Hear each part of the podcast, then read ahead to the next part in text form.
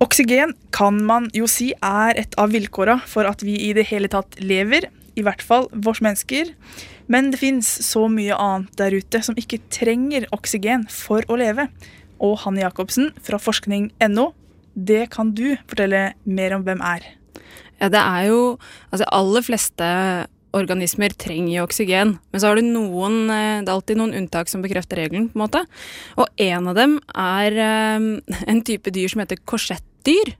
Da pga. utseendet, som du kan google. De lever på bunnen av Middelhavet.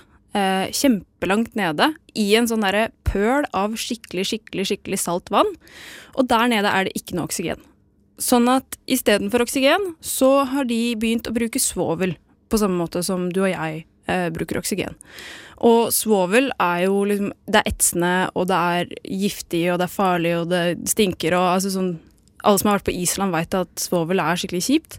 Men eh, de har bare på en måte byttet ut hele det systemet som syntetiserer oksygen, eh, og lager, lager, på en måte eh, liv av det, med svovelsyntetiserende system.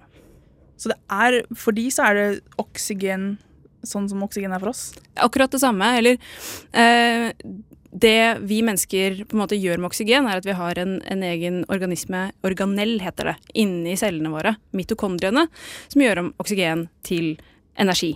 Eh, men disse Og det er jo noen teorier om at, um, altså at mitokondriene en gang var en bakterie som vi har inkorporert i systemet vårt. Og det disse uh, korsettdyrene faktisk har gjort, er da å tatt en, en, vanlig bakterie. Så de lever i symbiose med en svovelspisende bakterie som lager uh, energi for dem av svovel. For det er jo ikke noe oksygen der nede. De har rett og slett ikke noe valg?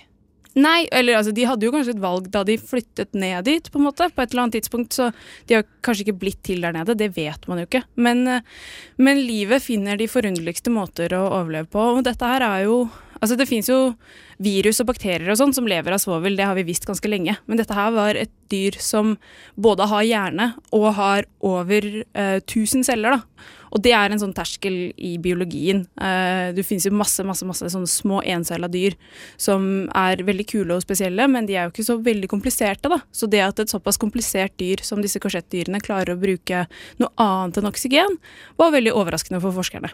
For det er jo som du sier, noe helt annet, men kan man da egentlig dra en parallell mellom at vi mennesker bruker oksygen, og så sammenligne med disse korsettdyra? Sannsynligvis så er det egentlig akkurat det samme de gjør. Uh, sånn at uh, om det Altså sånn for dem er det jo ikke noe spesielt, på en måte. De gjør jo bare det de alltid har gjort. Men det som er spesielt for oss, er jo at vi da har begynt å lete etter liv på helt andre steder enn vi har gjort før. For vi har på en måte tenkt der er det bare svovel, da gidder vi ikke å se der, da går vi og ser et annet sted. Mens uh, funnet av disse dyrene her gjorde at vi tenkte litt sånn ok, men da kan vi jo kanskje sjekke. Det er blant annet sånne varme kildeting under havet, sånne svære det kalles kalles skorsteiner, som spyr opp svovel og, og alt mulig slags drit fra inni jorda. Hvor man aldri tenkte på å lete etter liv før disse indikasjonene begynte å komme. Og så der har det på en måte bare blomstret opp med masse forskjellige arter som ikke ante at var der. da. Men hvordan har vi i det hele tatt uh, klart å finne de? Noe, vi hadde jo ikke kunnet uh, dratt ned der de bor. Nei, de sendte jo ned um, Disse forskerne som har uh, funnet korsettdyrene, sendte ned sånne miniubåter og tok prøver og sånne ting. Men det, det, var ikke så lett det heller, da, når det var svovel der. For det, svovelen spiste opp alle instrumentene på båten deres. Så jeg tror, så vidt jeg skjønte, så måtte de ta flere forsøk. Det var ganske komplisert, altså vanskelig arbeidsforhold, da. Men det er jo ikke noen folk som reiser ned dit. Det er jo 45 plussgrader der nede, og, og, bare svovel og masse, masse, masse, masse salt og ikke noe oksygen, og det er jo ikke Ja. Det er ikke sånn god HMS? Nei, jeg tror ikke du får lov til å reise ned dit hvis du har lyst. Men eh, altså, det, Middelhavet, 45 grader Jeg får helt spader av å tenke på det. Tilbake til litt mer sånn eh, hjemlige forhold. Det fins jo dyr som kanskje kan leve mer i Norge, da, som også, eller heller ikke, bruker oksygen? Ja, eller i hvert fall deler av tiden, da. Det finnes en, en norsk fisk, karussen heter den. Eh, den lever som ferskvannsfisk, som lever i innsjøer, og den kan leve i månedsvis uten oksygen. Men eh, den er jo da ikke sånn Altså, den må ha oksygen men den har funnet en måte å takle det på, for om vinteren så iser jo vannet til, og det blir ordentlig ordentlig oksygenfattig nedi under uh, der hvor det er så kaldt. Sånn at det den da gjør um, Eller for å gå tilbake et skritt. Når du ikke har uh, nok oksygen, det merker du jo sikkert når du trener og ikke får pusta nok, så får du melkesyre. Og melkesyre det er ubehagelig når du trener, men det er egentlig gift for kroppen. Så hvis, du, hvis det hoper seg opp for mye melkesyre, så dør du. Men det den uh, Jeg visste at det ikke var bra å trene. ja, ikke sant? I hvert fall ikke for hardt. Sånn at essensielt for noen som ikke får nok oksygen, er å kvitte seg med melkesyra. Og det er det denne karussen har funnet ut av, da. Fordi at den tar melkesyra, og så bruker den melkesyra og sukker som den er lagret i leveren, og så sender den det inn i musklene. Og i musklene så omdannes det til alkohol. Sånn at fisken eh, sender da, Og så sender den det da ut igjen i systemet. Masse alkohol i blodet, og alkohol i blodet for fisk er akkurat det samme som alkohol i blodet for mennesker. Det er fylla. Og så flyr den rundt da i, nedi i sjøen og er rusa hele vinteren. Frem til på en måte havet tiner og de, eller sjøen tiner og de får øh, oksygen inn i vannet igjen. Så karusen er liksom drita Hele vinterhalvåret? Hele vinterhalvåret. For det som overraska forskerne sånn, var at uh, For det fins andre organismer som, som, lever veldig lenge med lite oksygen. Blant annet en skilpadde. Men de senker hele liksom, systemet, alle kroppsfunksjoner, ned på et absolutt minimum. Så de er nesten i koma. Da trenger du veldig lite. Det er samme som at folk overlever mye lenger i kaldt vann uten oksygen enn, enn på land. da. Men denne fisken her, den er jo aktiv hele tiden. Den svømmer jo rundt som, omtrent som vanlig, så de kunne ikke skjønne hva den drev på med. Og det eh, er ene og alene for å ikke få for mye alkohol i blodet, og ikke for mye av disse reststoffene, melkesyra og sånn. For det skilles da ut gjennom gjellene.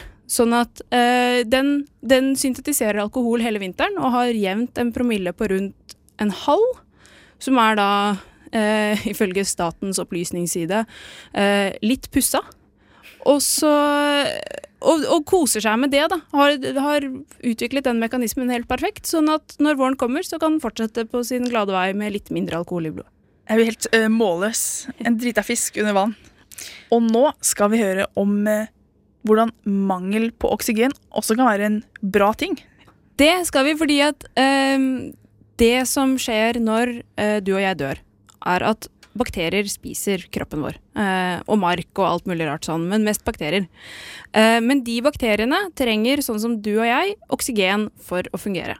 Sånn at hvis vi dør på oksygenfattige steder, f.eks. på bunnen av en innsjø eller på bunnen av en myr, så blir du bevart. Og eh, noen steder så har du sånne perfekte forhold for sånn bevaring.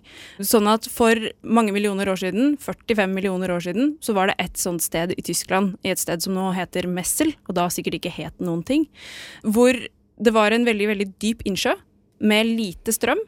Som gjorde at der var det eh, helt oksygenfattig på bunnen. For det var ingen eh, altså For det første var det ikke noe oksygen som klarte å komme seg så langt ned. Men i tillegg så var det såpass mye eh, Eller såpass lite alger at det ikke ble produsert noe oksygen der nede heller. Det er jo alger som lager oksygenet vårt i vann. Sånn at alt som falt ned i bunnen der, blei bevart og ble til fossiler som ligger nå i sånne skiferflak som vi finner. Blant annet Ida, eh, Darwinius Den store kjendisen. Den eh, store norske fossilkjendisen ble funnet i Messelgrava. Og hun fikk jo ganske mye oppmerksomhet eh, for et par år siden og er eh, vel kjent i dag, da.